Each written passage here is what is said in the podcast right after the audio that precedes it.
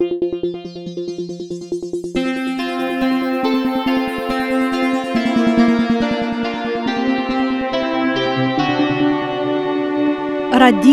Esperanto.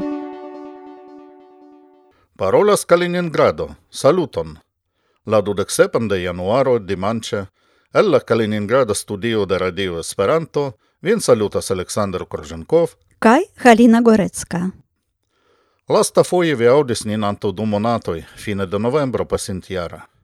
Bedaŭrinde, nia intenco ĉiumonatigi nian programon ankoraŭ ne realiĝis. Ja en decembro ni ne sukcesis trovi tempon por tio. Vidu mem.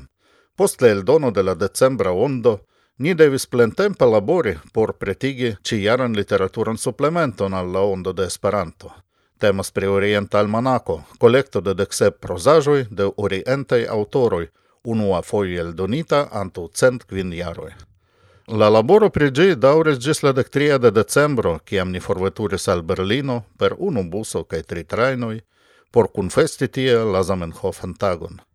Uzante la okazon ni kore dankas al Ronaldo, Ina, Johano, Fritz, anco al Anna cae al aliei semideanoi cio multe helpis nin dum nia quelctage restado en la cefurbo de Germanio. Reveninte heimen, same per tri trajnoj kaj unu buso, ni constatis che dum la lacige vojaĝo niei vocei paneis, kaj ni do ne volis tedi vin per raukado, siblado kaj tusado anstataŭ parolado. Sekvis laboro pri la januaro ondo kaj multaj aliaj neprokrasteblaj aferoj. Kaj meze de januaro Alina devis viziti hospitalon en Moskvo, kaj nur nun, la kvaran dimanĉan matenon ĉijaran, ni finfine funkciigis nian studion por alparoli vin. En nie quardec sepason programo vi audos la Kaliningradan filetonon de Alina, kiu ci foie racontus pri du novoi projektoj realigataj en Kaliningrado cune cun partneroj el Litovio kaj Pollando. Poste vi audos Esperanto-novaĵojn, unu el kiuj sonos en aparta programero – temas pri proklamo de la esperantisto de la jaro 2010. Sekvos presento de du intertempe aperinte numeroi de la Ondo de Esperanto, che en la fino del programo vi audos Kristnaskan canton. Ja inter la antaŭa kaj nuna programoj okazis la Gregoriaj kaj Juliaj Kristnaskoj kaj Novjar festoj. Bonan aŭskultadon!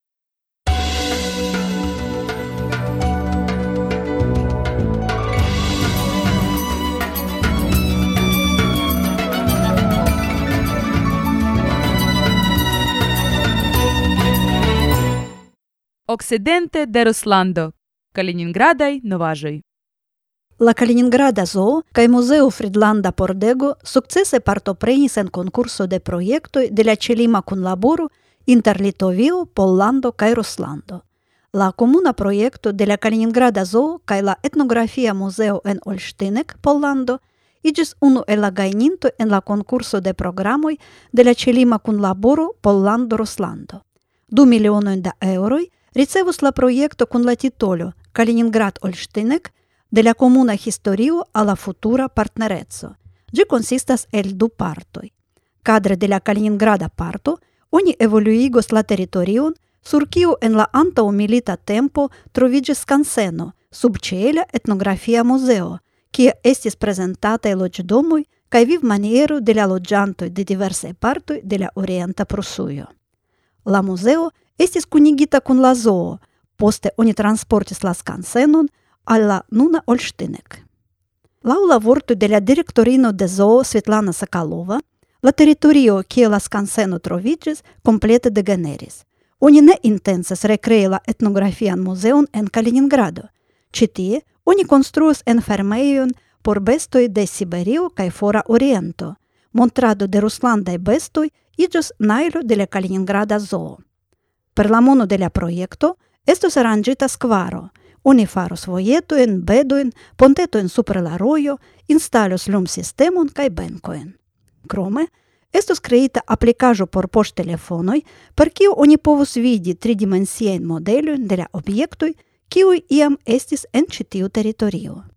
La projekto devas esti realigita ĝis la fino de 2021. Samtempe, el per la proiecta mono recreos la perdita en obiecto en la colecto de la Prusuia etnografia museo. La museo, tia speca la unua en Germanio, estis creita en 1902 en la Königsberga Zoo. En la tuta orienta Prusujo, oni collectis cae transportis al Königsbergo originale en construajon de ligna kirko, vent mueleio, forgeio, baceio, camparanei logdomoi cae aliai. En 1937 Они да транслоки джин аль Ольштинек, нун ен вармија Мазурија војеводио де Поландо, кела музео функцијас джес нун. Ен ла мезо де децембро трифланка проекто деля Калининграда зоо, Музео Фридланда Пордего, Каймара Музео ен Клайпеда, Gainis ен ла конкурсу de la programo Celima kun Литовио Русландо. Ла три tri дивидос dividos unu milionon da eŭroj. La Kaliningrada zoo renovigos la historian cae reconstruos enfermeion por hufuloi, creante la expozicion Suda Americo. La Mara Museo de Litovio riparos parton de la eioi de la historia fuorto, en kiu situas la museo. La Museo Fridlanda Pordego en Kaliningrado restaurus sian fasadon, cae ciui cune elaboros turisma en productoen cae servoen por la comuna promociado de niai regionoi.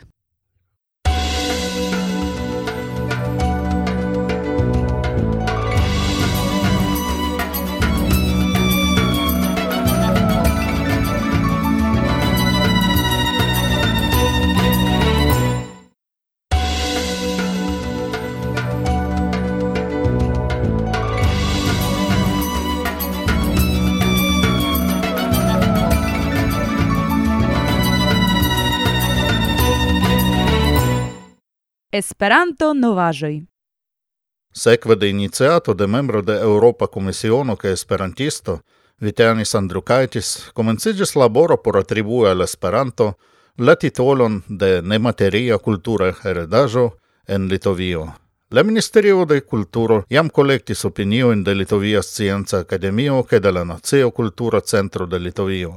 Nun la cefan laboron devos fare Litova Esperanto Asocio por kolekti diversajn documentoin cae provoin. François Ložokomo, Rakun Mertens, Anna Striganova kaj Dmitri Shevchenko estis reprezentantoj de UEA dum la deka forumo de neregistaro organizaĵoj, kiuj partneras kun UNESCO. La forumo okazas la dudeksesan kaj dudeksepan de novembro en Moskvo kun la temo – Scienzo por comuna bono del homaro. Lorena Belotti kaj Giorgio Silfer, kiel delegitoj de Kulturo Centro Esperantista Ĉaŭdefono Svislando, reprezentis Esperanton en la kvindek du internacia renkontiĝo de Asocio de Lingvotestistoj en Eŭropo, kiu okazis la dudek unuan dudek trian de novembro en Salamanko.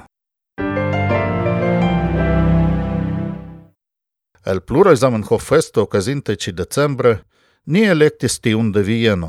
La 8 de decembro la Pola Instituto in la cefurbo de Austrio acceptis centon da partoprenantoi de Zamenhof festo. La directoro del instituto in sia salut parolado menciis, che jam estas longa tradicio de la comuna festado cun la Austria Esperanto o okaze de la naskiĝdatreveno de Zamenhof. La franca muzikistino kaj esperantistino Françoise Noiro turneis tra Ruslando kun prelegoj kaj koncerto en Barnaulo, Krasnojarsko, Novosibirsko, Jekaterinburgo, Kazano, Čeboksaro, Moskvo kaj Sankt-Peterburgo. Anto unu semajno estis lancita nova retejo de UEA. Ĝia titolo estas UEA facila, kai gi estas videble ĉe la adreso uea.facila.org. Gia celo estas presenti la Esperanto movadon al nove esperantistoj per facila lingvaĵo. Tiel ĝi estas taŭga por lernantoj, sed espereble ĝi mallongaj novaĵartikoloj povus esti interesaj ankaŭ por pli spertaj esperantistoj. Lau la fresha, ci matena statistiko, al la centkvara Universala Kongreso de Esperanto, kio okazas en julio en Lahtio, Finlando, aligis sestcent dec nau partoprenanto el quindec du landoj, plei multe el la congres lando Finlando, ses de kvar personoj, Francio, quindec tri, Germanio, kvardek ok, Japanio, kvardek du, kaj Brazilo, tridek ok. La conata sveda giornalisto che esperantisto Kalle Knivila, ex-redaktoro de Libera Folio kaj autoro de kelkaj libro pri Ruslando, kiu ĉiaŭtune ekoficis kiel gazetara konsilisto en la ambasado de Svedio en Moskvo, estas forsendita el Ruslando. Ĉi tiu ago estas responde de Ruslando al la decido de Svedio ne doni vizojn al du ruslandaj diplomatoj suspektitaj pri ligo kun ruslandaj sekretservoj. plie novaĵoj el Esperantujo, legu en la ondo de Esperanto ke en nia novaĵretejo La Balta Ondo ĉe la adreso sezonoj.ru. Kaj nun Halina prezentos al vi la plej gravan novaĵon, tiu pri la esperantisto de la jaro 2010.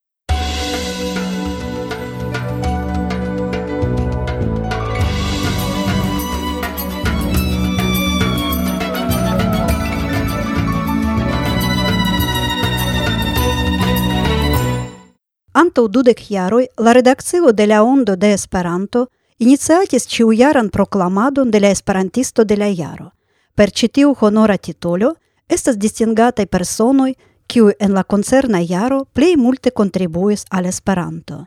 Al ĉi tiu projekto aliĝis reprezentantoj de diversaj tendencoj en la Esperanto-komunumo kaj sendependaj kompetentuloj. La unua Esperantisto de la jaro – electita de la Internacia Elekta Komisiono fine de la 1998 jaro igis la eminenta skota maestro William Old. En 1999 lin sequis la Australia esperantisto Keppel Endabi. Nun la Electo komisiono consistas el dec hoc candidatigantoi cae dec sep electantoi. Citiu komisiono havis gis ciara electo dudec labor sessioen, Laste kiel la esperantisto de la jaro 2017 estis proklamita la ĉina aktivulo Juan Inbao, konata en Esperantujo kiel trezoro. Dum la dudek-jara sekretariado mi havis ne nur la taskon kunordigi la komisionon, kio ne ĉiam estis facile, sed ankaŭ la plezuron anonci la nomojn de la laureatoj, kaj la honoron esti la unua gratulanto de ĉiu nove elektita heroo de la jaro, nome de nia internacia teamo Ekde la dudekua electo, la secretariadon de la proiecto prizorgas la vice-redaktoro de la Ondo de Esperanto, konata esperantista kaj socia aktivulo Paolo Fischer-Kotovski, laŭ kies komuniko ĉijare estis kandidatigitaj dudek du personoj. Inter ili estas dek ok europanoj, kvar amerikanoj, du azianoj kaj unu australiano, – nur kvin proponitoj estas virinoj. En la voĉdonado дека уну кандидатој рицевис на нијун вочон, три персоној рицевис по уну вочун, квар персоној рицевис по ду вочуен, Петер Балаш ел Словакио рицевис три вочуен, Карло Миная, ел Италио рицевис квар вочуен, Халина Горецка ел Русландо рицевис квин вочуен. Кај нун секвас ла грава информу, ки ун ми легас кун гранда плезуру. Ла есперантисто деля јаро думил дек ок, кун дек уну рицевитај вочуј, pli ol du oblo de la dua plei voĉdonita candidato, igis la sepdek sepjara japana esperantisto Hori Yasuo. Exa prezidanto de la Komisiono de UEA pri Azia Esperanto Movado kaj ex redaktoro de ties organo Esperanto en Azio. Li estas elektita pro la lanĉo kaj daŭra funkciigo de la populara lego projekto Esperanto Sumuo, kiu en novembro 2010 atingis la kvindekvinan sesion kun pliul tricent leg emuloj el tridek триландој, landoj, kaj pro la regula verkado kaj eldonado de la esearo raportoj el Japanio, kies dudek unua volumo aperis ĉe lia eldonejo Horizonto ĝuste en 2010 ok.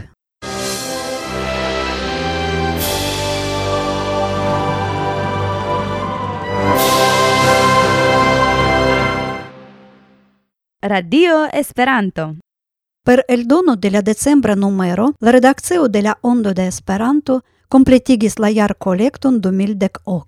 La lastan pacientiaran ondon malfermas informo pri la proiecto la Esperantisto de la jaro, kies secretariadon transprenis la pola esperantista kaj socia aktivulo Paulo Fischer-Kotovski.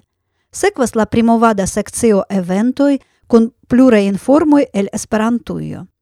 Кроме en la sepdec unu pagia decembra numero, oni povas legi artikolon de Vitautas Šilas pri la urbo Panevežo, Litove Panevežis, kiu en 2019 gastigos la kvindekvien Baltiajn Esperanto tagoen, prezenton de Peter Balas pri la projekto multilingva akcelilo, bibliografian esploreton de Aleksandr Karženkov, Zamenhof protestas au neokazinta sensacio, полемикажуенен трибуну, културно важуен, кај хуморажуен.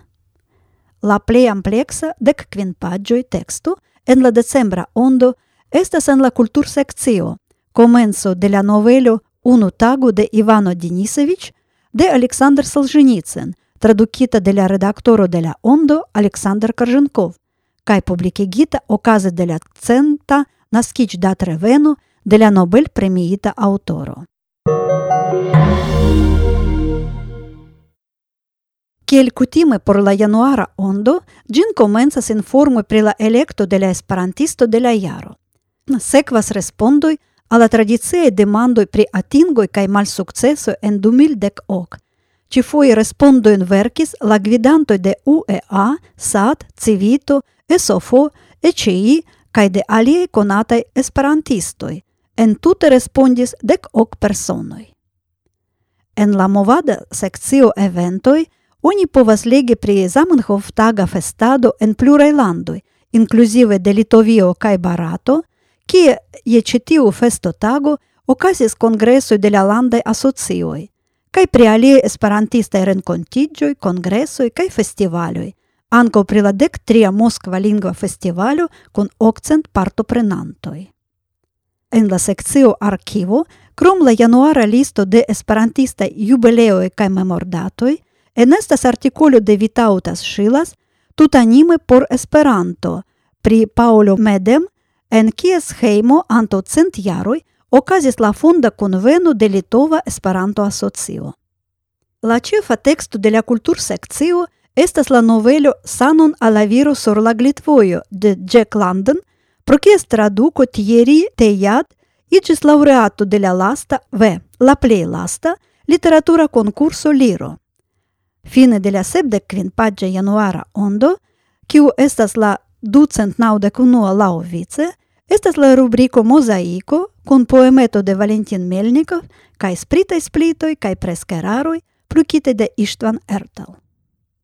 La ondo de Esperanto estas abonebla por la 2019 jaro ĉe landaj perantoj UEA konto kaj per la internacia pago sistemo PayPal.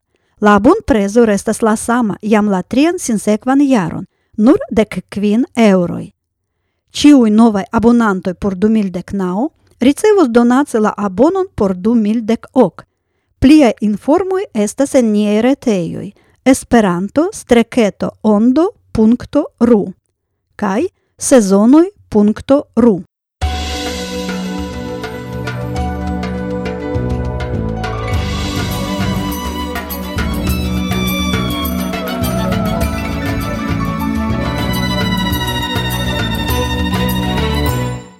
parolas Kaliningrado.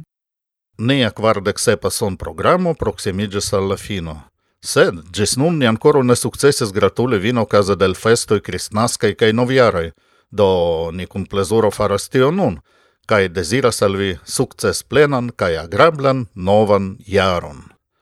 Rememoro pri la pasintaj festoj ni proponos al vi en la fino aŭskulti kristnaskan kanton en la plenumo de Anjo Mika. Ĝis reaŭdo! Mm -hmm.